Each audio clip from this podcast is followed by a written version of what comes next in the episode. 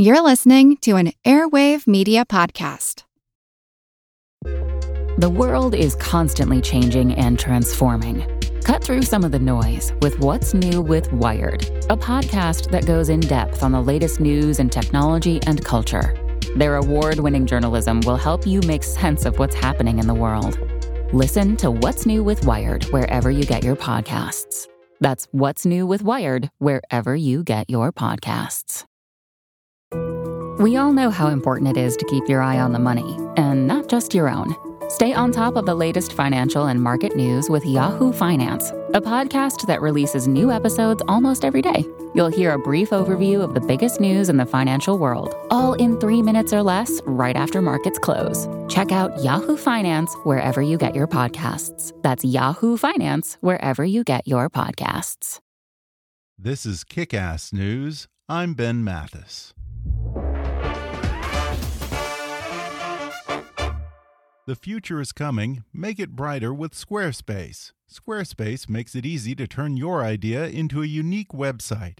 Showcase your work, blog, or publish content, even sell products and services of all kinds in just a few clicks. You can customize everything from look and feel to settings and products using beautiful templates created by world class designers. And there's nothing to install, patch, or upgrade ever. Head to squarespace.com for a free trial, and when you're ready to launch, use the offer code KICK to save 10% off your first purchase of a website or domain. Again, that's squarespace.com and offer code KICK. And now, enjoy the show. Hi, I'm Ben Mathis. Welcome to Kick Ass News. Few actors in Hollywood have had the kind of career my guest today has had.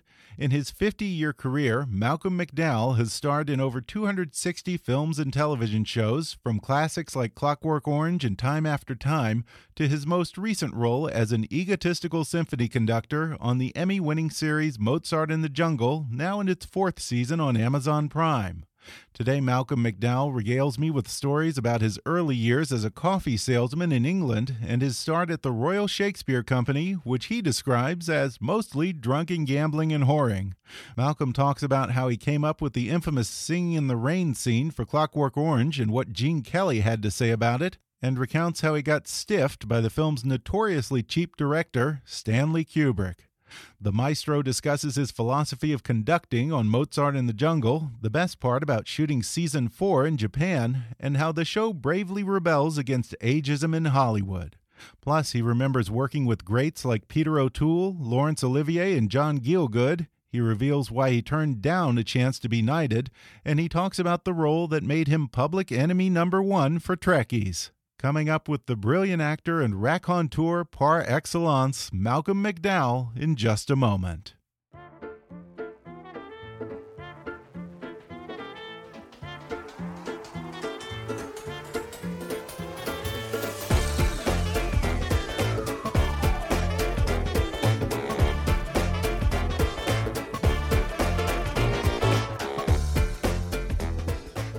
In his 50 year career, Golden Globe nominated actor Malcolm McDowell has starred in over 200 films like If, Oh Lucky Man, Time After Time, Star Trek Generations, The Player, The Company, Gangster Number One, The Artist, and of course, the classic Clockwork Orange, as well as memorable roles on television, including Entourage, Heroes, Franklin and Bash, and Mozart in the Jungle, which now enters its fourth season on Amazon. Malcolm McDowell, thanks for sitting down with me. Well, thanks for inviting me. My instinct was to address you as Sir Malcolm McDowell, but I, I read that apparently you turned down a knighthood. Uh, oh, why did you oh. pass that up? I think it's a bit low rent to talk about that. Oh, is it? All I will say is that um, my hero was Albert Finney, mm-hmm. not Sir Albert Finney. Yeah. And one of the greatest actors who I always respected was um, Paul Scofield. Mm, yeah. And he wasn't Sir Paul Scofield. So I think an actor, especially one that lives in America, we live in a republic. Mm-hmm. And even though I'm still a British citizen. Oh, yeah, that's right. I have a British passport. Um, I just think here it's sort of ridiculous, you know, and, and yeah. also a bit pretentious. I don't know. When I had Ridley Scott on a few weeks ago, he said the same thing. He said, "No, I don't want anyone to ever call me Sir Ridley Scott." I guess he kind of chafes when people actually address him that way. Yeah. Now, you grew up in a working class family in Liverpool. Were you mm -hmm. anti-monarchists? No, no, far from it. Oh, really? Um, my father was a staunch Churchill supporter. Yeah. And a conservative, you know, and um, so I've always been fascinated with Churchill. This year is particularly good for the Churchill yeah. lovers, you know, with Gary Oldman's great performance in a wonderful film. I, I think it's a, a, it's a really well made movie and very well directed. Mm -hmm. It's very different than it is here with regard to World War II. Here, oh, it's it's oh. light years away, but when you go to Britain, it's almost as if it happened yesterday. It still oh, yeah. looms very large in the Absolutely. public psyche yeah. there. Yeah. Well, uh, you know, um, half of London was bombed. And, right. Um, there were, you know, hundred thousand people killed or something. I, I, don't know the number, but um, I know it was pretty high. Yeah. Civilians and um, that was just in London. I mean, um, many cities were mm-hmm. bombed, and there was a very great threat uh, that we would be invaded. You know, which would be the first time. I think since the Norman conquest. Yeah, yeah, I, that's what I'm talking about. I don't think that Americans can even relate to that idea. I mean, you were the only thing keeping the world from falling into flames, basically, because yeah. you could argue that without Britain, we couldn't have had a foothold in Europe. So where would we have even launched an invasion of Europe? We so, may be doing this yeah. podcast in German. yeah, exactly. I mean, who knows? Yeah. Um, but anyway, um, plaudits to Gary Oldman yeah. for a great performance. Yeah. And in your early years, you worked in your dad's pub. I think I read that you worked in a planter's peanut factory in the UK. You were a coffee salesman and various odd jobs. Yeah. You know, I imagine that there were a lot of people growing up with you in Liverpool who probably said going into acting was just a pipe dream for a kid from Liverpool. So, how did you decide to take that risk and go for it? I, I, there was never a question, really. Um, really? I always felt that I was just marking time being a salesman, actually, I was a coffee salesman for Chase and Sanborn, which is the same company that made Planters. It was called Standard Brands. I don't know whether they still call that, but um, and uh, you know, I went through a management training thing, and and then eventually I, I was told that the salesman, the sales rep in Yorkshire, had disappeared and and they needed somebody to go up there pronto just to service it. And so I went up there and and literally uh, every place I went they'd be asking me for have you got any of those radios? Any of those watches that that fella said and I go no I'm from the coffee company. Goes, oh yeah but he sold us watches and he sold us all these things. So uh, obviously he wasn't selling much coffee but he was selling a lot of um, stolen goods. Put it yeah, that way. he had a side hustle. So it, in as a consequence of that, I was able to treble, quadruple the sales of coffee over the month without really having to lift a finger, and I became a kind of star salesman, which was completely ridiculous. And then I realized, why am I driving all over the north of England when I can just go with a big pile of pennies from the bank and get to a payphone and just call and and they put yeah. their orders and that's what I did I, and I just sat back and read and uh, went to the movies and um, and just worked the system pretty well. Mm-hmm. remember the movie that I saw that um, really influenced me the most was um, Lawrence of Arabia. I saw oh, that yeah. at the Odeon in Leeds. Yeah, in one Yorkshire. of my favorites. Was Peter O'Toole someone you admired growing up oh as an actor? Oh my? God, yeah. We yeah. all loved him. I, I, went, uh, eventually, I joined the Royal Shakespeare Company quite early on in my career. You know, uh, I think I was 21 or 2, probably. Somebody said, Oh, well, there's a bring a bottle party up in Hampstead. Why don't we go? I was like, Yeah, sure. You know, get a bottle of Blanc, cheap old wine, going up. And I remember sitting eh, down on some of the sofa in this apartment, and then suddenly the door opened, and there was this Greek god, and it was Peter O'Toole with flaxen hair uh, jeans tucked into very high boots, and a cigarette in a very long cigarette holder. and I thought, my God, that's a star. Yeah. and uh, he went around smiling and waving like he was royalty or something, which he was. Yeah, yeah. Right after the, and that it was movie, so it absolutely. was it was such an indelible image of Peter. So when I worked with him, it would be 15 years. probably. hmm I reminded him this fact, of course he couldn't remember it all, and naturally, just another party for him. Yeah. But well, that was and he probably lived- when he was he- heavy drinking too. So Oh, he may, yeah. well, may, no, may he, not have had he much wasn't of a drinking. memory. He oh, wasn't wasn't? drinking, but he was doing something else. Yeah. because I think that uh, I th- you know he he had a he had, a, a very he was very ill with uh, drinking and had Mhm. to quit. yeah. Somewhere I heard you describe the Royal Shakespeare Company as quote basically drunken gambling and whoring, right? Yeah, can't beat that it when was you're that 22. wild. That's not what we imagine probably here in the United States No. when we think of the Royal Shakespeare Company. It that's exactly what it was, and um, you know you'd get up at two in the afternoon, Uh-huh. go and get a, a sort of breakfast lunch, which would be, you know, scrambled eggs, bacon and beans, and sausage or something. Mm-hmm. Then walk into the theater, get ready, do your show. Then afterwards, um, go out stage door and see if there are any girls waiting, you know, um, and then choose one, and then just and go and have a drink, and we'd be drinking until oh, two in the morning, and then we'd start gambling, and then we'd probably get to bed around five or six as Yeah. the light was coming up. And then get up at two o'clock and start all over again. that was my time at the Royal Shakespeare Company. Yeah. Fun, but probably hard to sustain, I imagine. Well, it was fun for a while, but Yeah. really that gets old very fast, you know. But um, and and I didn't really enjoy it Really? much. No.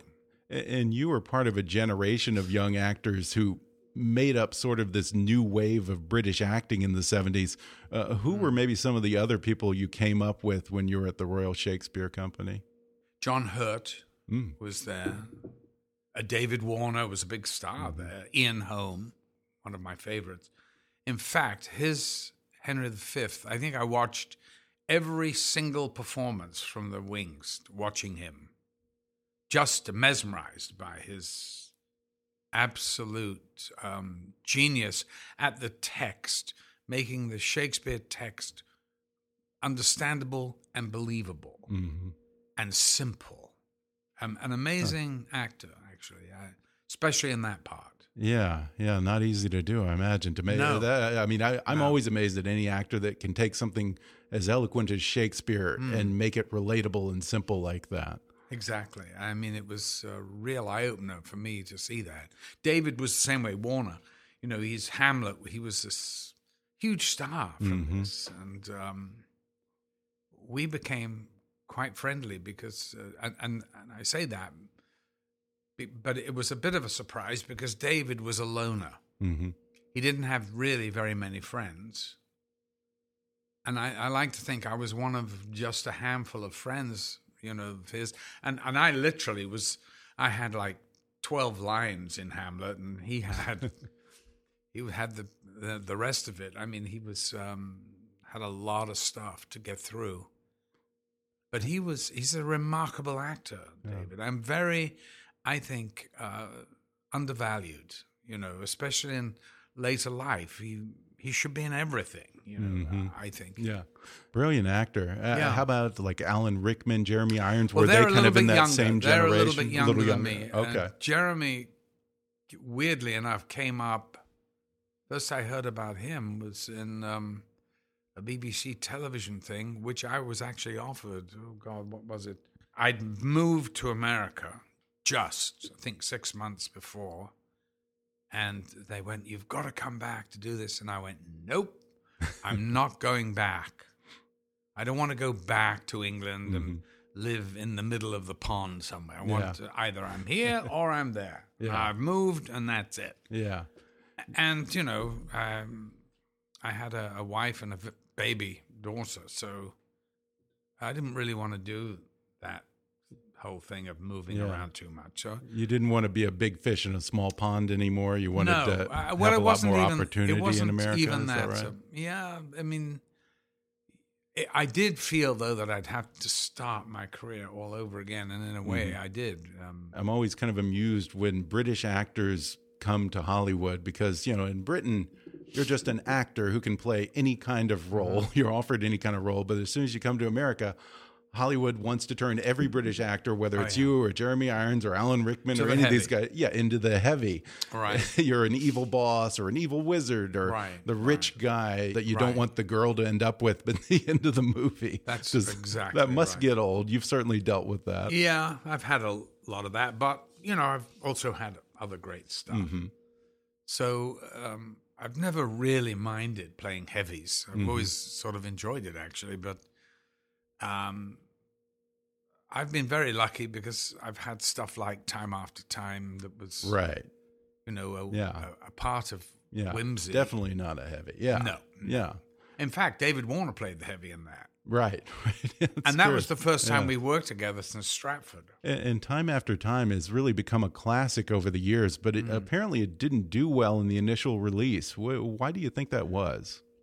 I know why. I think I know why because um, they put out, you know, um, things for the audience to fill in, uh, questionnaires, you know, and, Mm-hmm.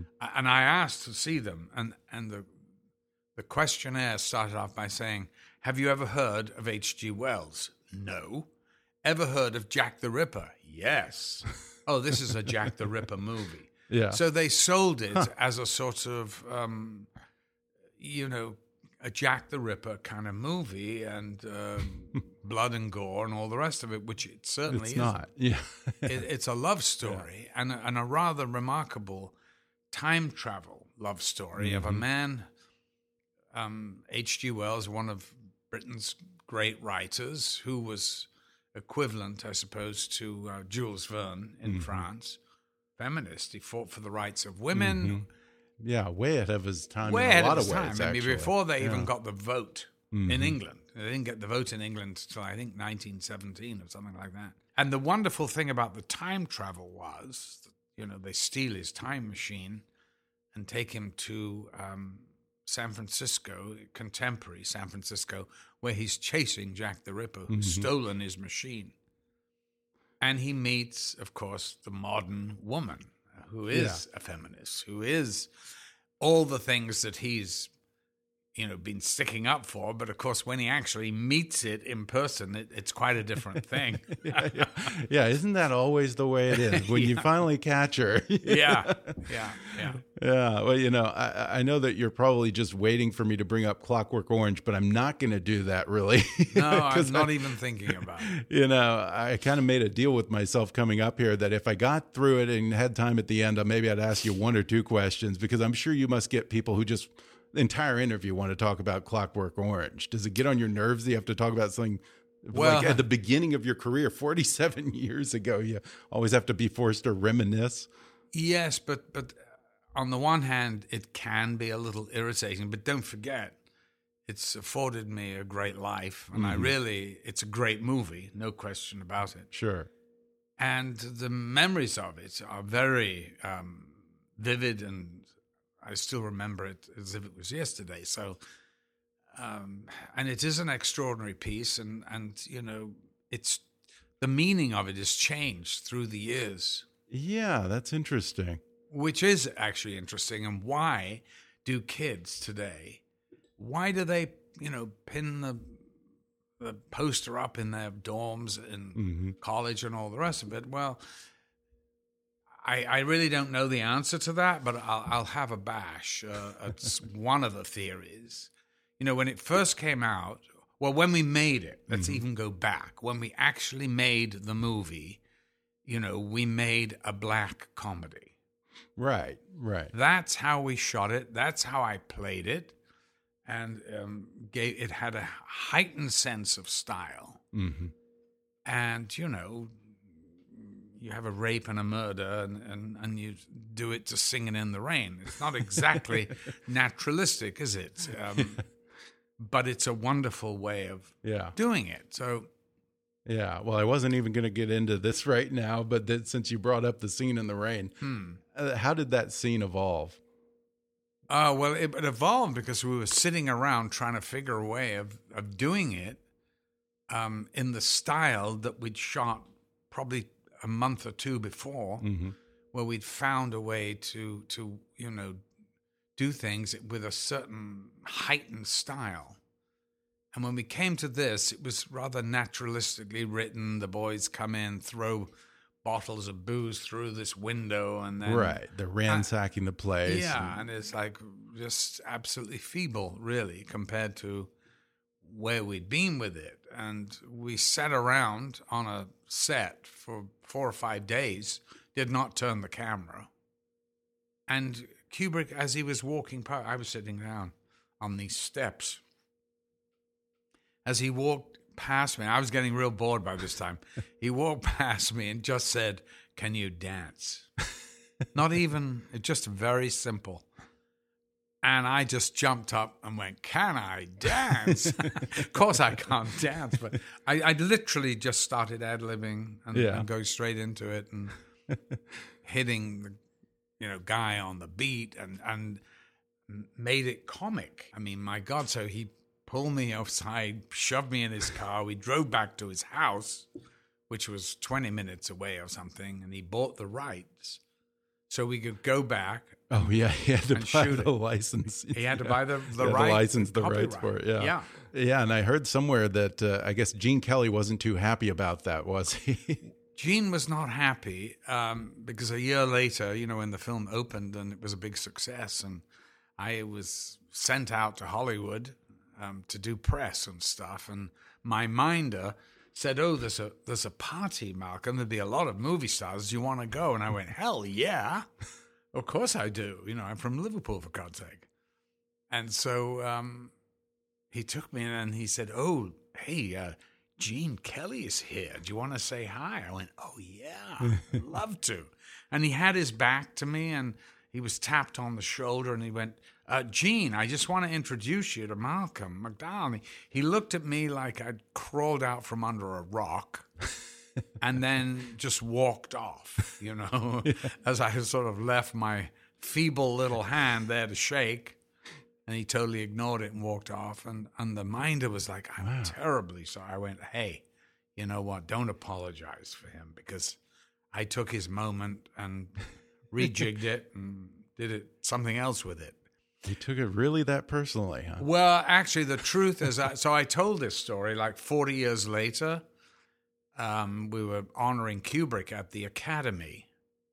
This lovely lady came up to me and said, I'm Gene's widow, Malcolm, and I want to tell you, he was never pissed with you. Huh. He was pissed with Stanley. Stanley. And I went, well, why would he be pissed with Stanley? And he went, she said, because he never paid him. We're going to take a quick break, and then I'll be back with more with the great Malcolm McDowell when we come back in just a moment.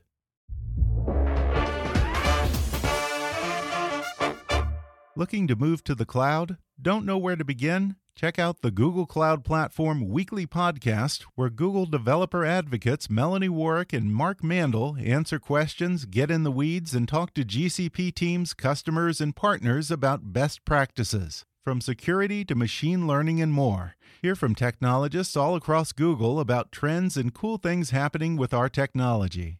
Click to learn more and subscribe to the podcast at g.co slash GCP podcast. Again, that's g.co slash GCP podcast. Today's episode is also sponsored by Grasshopper. If you're an entrepreneur, a small business owner, or even if you have a side gig, let me introduce you to Grasshopper, the entrepreneur's phone system. Grasshopper lets you run your business from your cell phone while keeping your business and personal lives separate. Choose from their huge inventory of local, toll free, and vanity toll free numbers. Simply forward your new number to your mobile phone and start taking calls immediately. Whether you're in an office, in your car, or out shopping, Grasshopper's iPhone and Android apps help you stay connected to your customers. Not to mention, you can send and receive calls and texts from your business phone number, set up multiple extensions for everyone on your team, get your voicemails transcribed and emailed to you, Work from anywhere with call forwarding to make and receive calls from your computer via the desktop app and even utilize Wi Fi calling.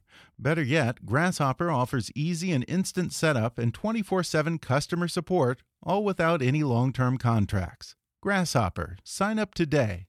Go to grasshopper.com slash kick to get $20 off your first month. That's grasshopper.com slash kick. And now, back to the show.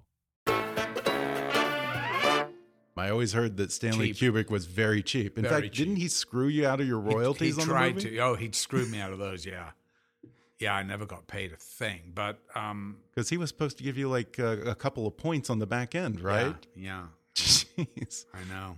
That that's a few million dollars right there. But Yeah. you know, um, Yeah. in a way, I got it back. You know, just because it was, I think, one of his great movies. You know, so it was one of mine for sure.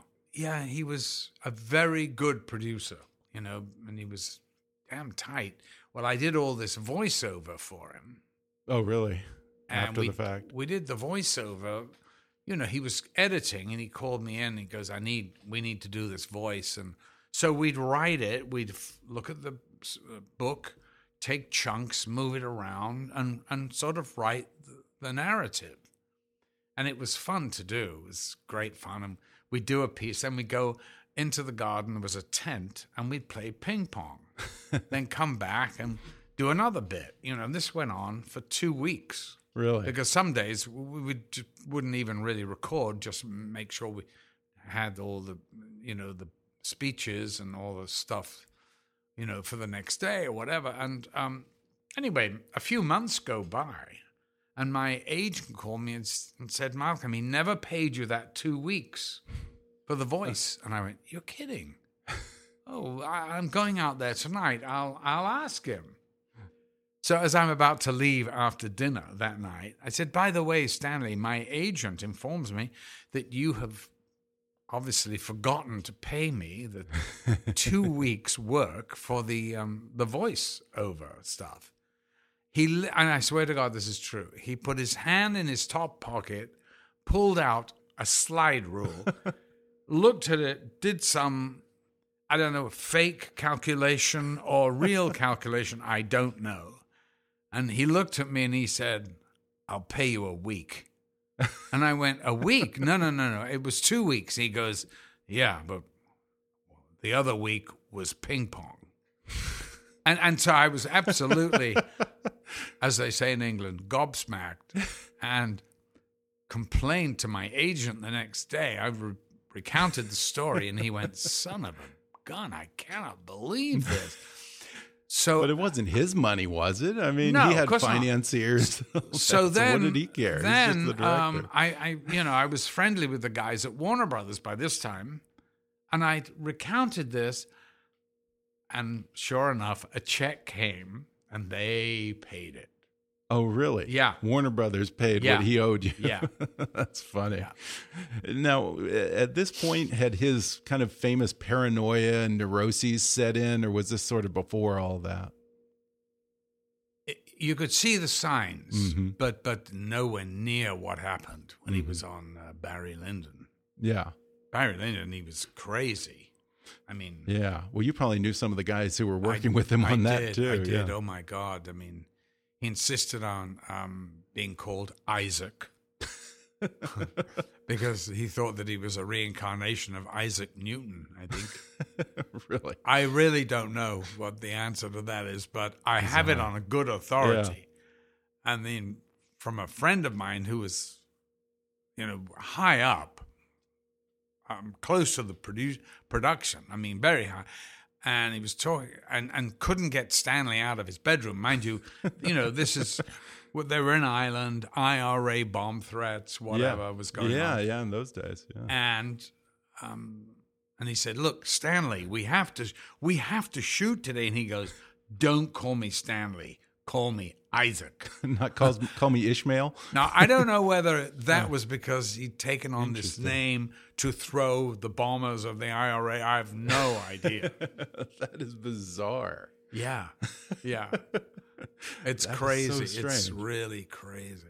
So, so is that your favorite movie that you've done? Because you've done like 200 films over your entire career. What's your favorite yeah, I've done film? A lot. No, I, I always to that the answer to that question is always the next one. Okay, I should have said 200 films so far. So far, that's right. Uh, never look back. Mm-hmm. In fact, I think half of them I probably haven't seen. Yeah, it's uh, you know, as an actor, you don't live in the past. Mm-hmm. You just go from one thing to another. So really, there's uh, you're always if you're working, you're Mm-hmm. working on the next one, and that becomes mm-hmm. one's focus, and and that's it.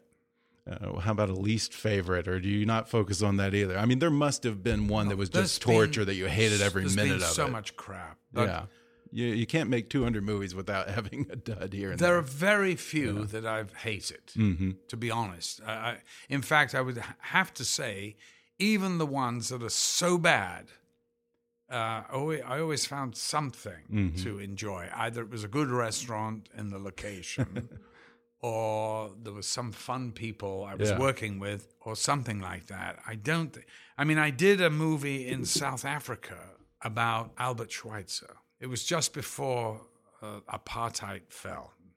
It was sort of a very strange experience, and and they were waiting for me for like two weeks. I did another film, and uh, by the time I arrived, um, they'd all been waiting, and you could tell the isolation of South Africa was very apparent in the way Yeah, in the mid they- late 80s, I guess this would yeah, have been. yeah, yeah, It was they were way behind the curve in Mhm. terms of you know acting and stuff and and Oh, even with that, very much so. really?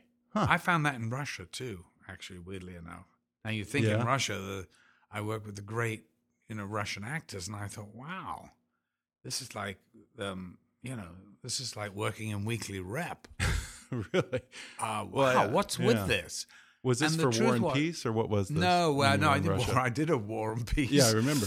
But um, no, the, I did the most remarkable movie over there called The Assassin of the Tsar. This is one that was never shown in America, sadly, because it's an amazing movie.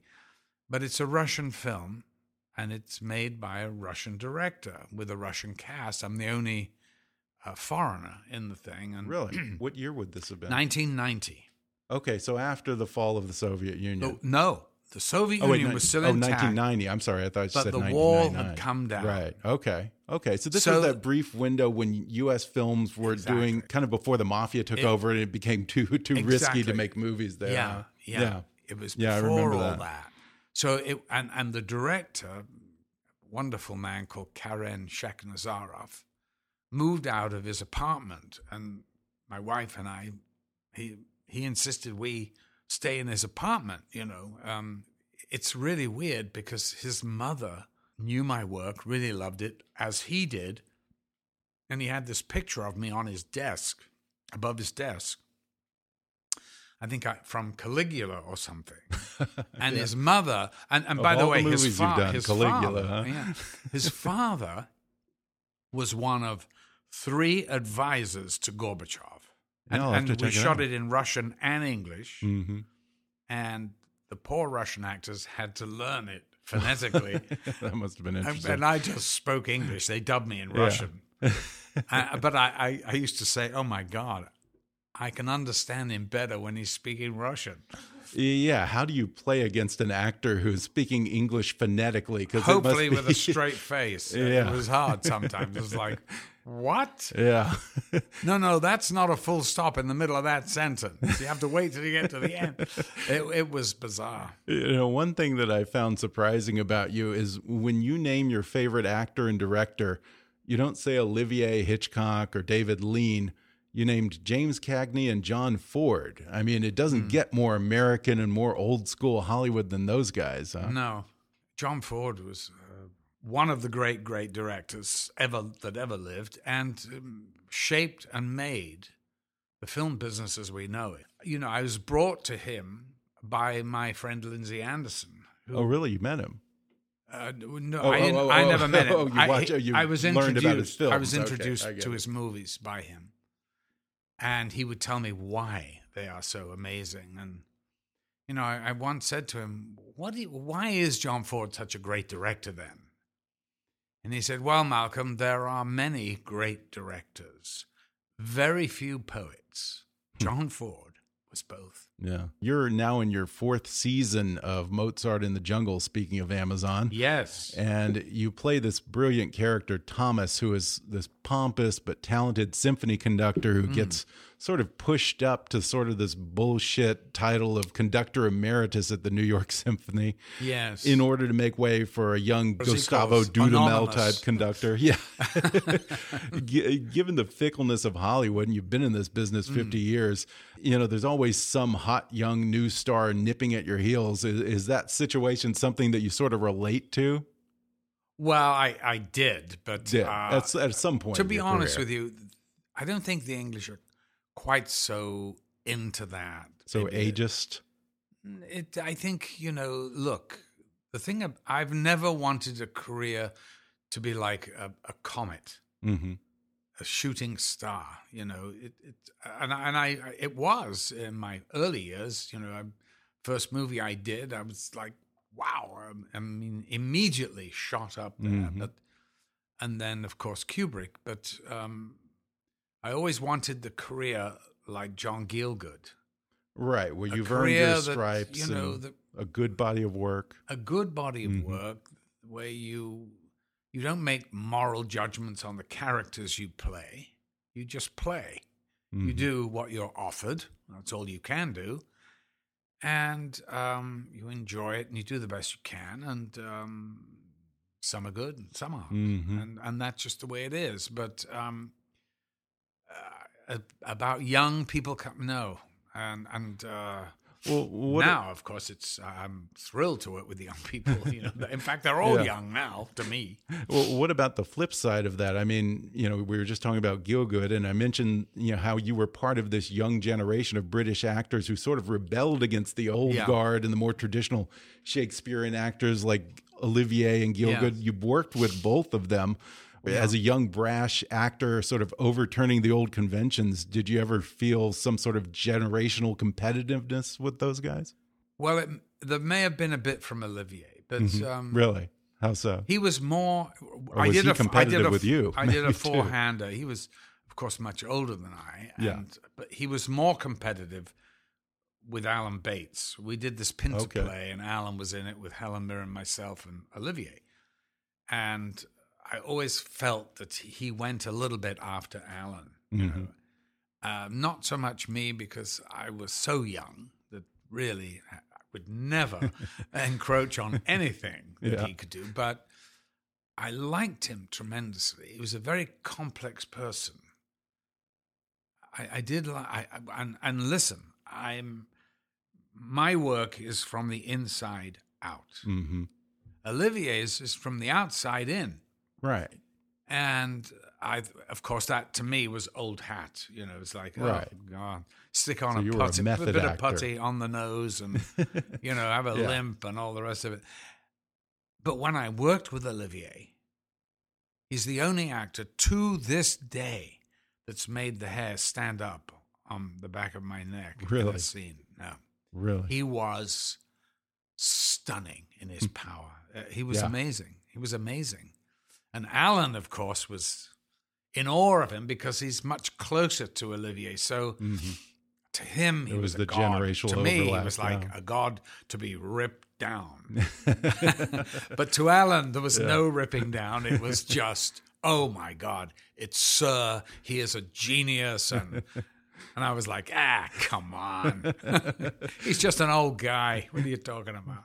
Yeah, yeah. And this sort of tension between tradition and novelty, youth versus the old guard, is a constant theme, I think, in the show. You know, your character, you know, always seems to be struggling to resist being marginalized and to stay yeah. relevant. I, I, think it leads to some interesting places for you in this new season. Too. Well, yes, I mean, as an actor, it's a mm -hmm. fantastic part. Mm -hmm. You know, he's a an emotional cripple in many ways. A great artist, of course, a great musician, and has been a maestro since he was a young man which of course, so he's a narcissist. I mean, Yeah. who goes through life being called maestro without being affected? That's true. and um, you know, he's found love. And the character played by uh, Bernadette Peters. Mhm. Right. And Bernadette and I have a wonderful time actually doing a sort of Pat and Mike. You know, it's it's a wonderful uh, relationship, and of course Thomas uh, Fields put out to pasture, and and I think in a way, you know, the first season was a really good. Um, it was a a good look at sort of the aging process hmm and what happens to perfectly um, sane and brilliant people when they age get passed over because of the fact that they happen to be a certain age, which really is ludicrous, you know. Yeah. But um, it doesn't happen so much in music because you get, of course, maestros, conductors who are in their 80s. Oh yeah. God, Leonard Bernstein. Oh I mean, he conducted till he died. Van Yeah. Karajan and all those guys, you know, the Mhm. old, old, old. I mean, in fact, waving your arms around obviously does wonders for the circulation. exercise. yeah, and it's such a fun dynamic between you and Bernadette Peters because Yeah. You know it's unusual to see a show spend a lot of time on a romance between two people in their late sixties slash early seventies. It's almost it's almost sort of daring if you compare it to a traditional network that's focused on hitting a certain demographic for their advertisers. Well, you It's very hit refreshing. the nail on the head because they said, I think the powers that be said to Paul Weitz a couple of seasons ago, well, let, let's have a love story. And he made the love story between the old farts, you know, which they did not expect, which was a genius move Yeah. on his part. I mean, people grow old, but they still have a love interest in their lives, whether it's a marriage or, and, you know, whatever, whatever it is. Yeah. And with Thomas, you know, his wife died, or was she pushed? I don't know. And of course, he was cheating on her the whole time. Let's not, you know, let's not uh, couch this in that Thomas Right. had any morals. He was, you know, he's an immoral Yeah, he's a lovable Lothario, rogue. let's face yeah. it. And let me tell you, when you're up on that podium conducting, hmm um, and you're looking down and you're seeing a lot of beautiful legs of violinists and cello players, and you just give them the nod, of course, they're It's like being a rock star. talk about power and the sex and power, which is very relevant right now. But hey, Yeah. that's a pretty powerful situation. So, anyway, he's moved on now and Yeah. settled more. Did you have to do a lot of research or rehearsing to go up on that podium? I assume that you must have had to take some conducting lessons before you did that, or you can't just go up there and flail around. Well, one would assume Oh yeah, no. that's not the way I work. Okay. I, am more into really letting the music take me where it will. Okay. Um, and, and and I can do this because the conductor is the only person on that stage who doesn't play an instrument. hmm Every single conductor is individualistic and different. There's no playbook for conducting. True. True. Um, some are very minimalist. Others, like Bernstein or Von Karajan, are huge. And I think uh, George Solti was a bit like that. So that, frankly, um, as long as you know when to call in the whatevers, but but they don't do that even. And there's a whole thing I think on YouTube. Somebody was telling me I hmm. haven't seen it, but of Lenny Bernstein who literally doesn't move at all. It, he just looks at the orchestra while they're playing, and just by his look, Really. they know. That's amazing. That's a- that's an it is a- artist. That's great. I'm, in fact, if I can be brave enough, I'd like to do that. But I think people would think, well, he's not doing anything. right. So I don't know whether that would Right. really work. But that's also similar to what a great actor does. You know, some of the most Yeah. memorable moments are usually the ones that are barely perceptible and so subtle Right. it's almost you don't even really acknowledge, you know, Right. uh, other than They- subconsciously what's going on there. Two beats later, you go, Mhm. oh, my Yeah. God. Yeah. Yeah. That's so true. Yeah.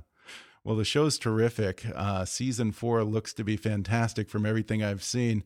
Before it's my favorite season so far. Yeah. It's really, and, and the stuff in Japan, oh my God. Mhm. I know so more road trips. That's more fun. road trips. but but the, I was doing some uh, post syncing, you know, so mm-hmm. voice stuff, and really made me laugh because uh, because I'd forgotten uh, sort of an ad lib that I did with the judges. I'm one of the judges um, adjudicating the uh, conducting, you know, and there's all these young conductors. Haley is one of them, and I'm saying, oh, Haley, she's oh, she knocked it out of the park. I mean, let's not fucking go into anything else. this, this is it. I mean, just let's give her the thing. Let's get on with it. And then the Japanese start in, and I'm going, what, what, what? And he's going, well, you know, the too feminine. I went, oh, what do you mean? Too much ovary for you? Is that it? and, and and I just look at the translator and say, what is the Japanese for asshole? and then the whole place goes nuts. You know, papers are thrown, insults, and the whole deal. So that might be the first time that word's ever been uttered in Japan. Everyone's so polite there. So true. I assume that wasn't your first time to, in Japan, right? Yes, it was. Oh, it, oh really? Yeah. Uh, really? Yeah. You never. On junkets and stuff it, it had no, to go to Japan? No, I really never actually made it out there. Wow, it is it fascinates me because yeah. it's oh. so like us. It's so like America, but it's just slightly different in the most it's, surprising and fun ways. It's Hello Kitty. Yeah. That's all yes. I can say. Yes, yes, yes. And little Catholic schoolgirl skirts. that yeah. seems to be like the uniform for women in it's Tokyo. It's amazing. I, I, had a great time. Yeah. I liked it very, very much. And I particularly liked Japanese women. Mm-hmm. And I just thought the women are such an underappreciated, outside of Japan, mm-hmm. underappreciated or not known. Mm-hmm. And they're so amazing. We had a lot of uh, girls and women working on the set with us. And I was, uh, and everybody from America was impressed. Really? Yeah. Well, it's a great season. I'm looking forward to watching the rest of it. Uh, before we go, uh, among Trekkies, you're known as the man who killed Captain Kirk. Do you still hmm. get death threats over that? No, I think I'm celebrated now. Oh, really? Okay. Yeah. Poor old William Shatner. um, I think he still blames me because he missed out on that big payday when J.J. Abrams – brought back Leonard. Oh, right, yeah. They couldn't bring him back, and I think he was really pissed. Well, I'm yeah. sorry, William. okay, He'll get I do. I do like. He's a lot of fun. Yeah. I've had a lot of fun yeah. with him. Well, season four of Mozart in the Jungle is now available on Amazon Prime. Malcolm McDowell, it's been such a pleasure. Thank, Thank you. you. Thank you.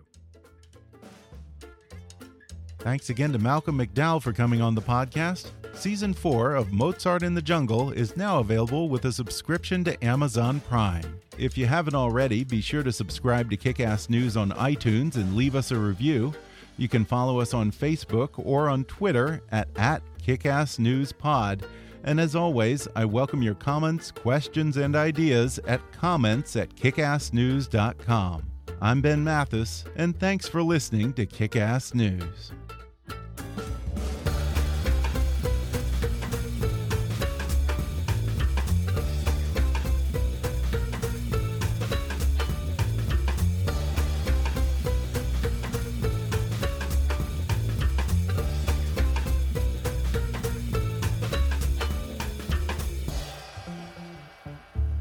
Kickass News is a trademark of Mathis Entertainment, Inc.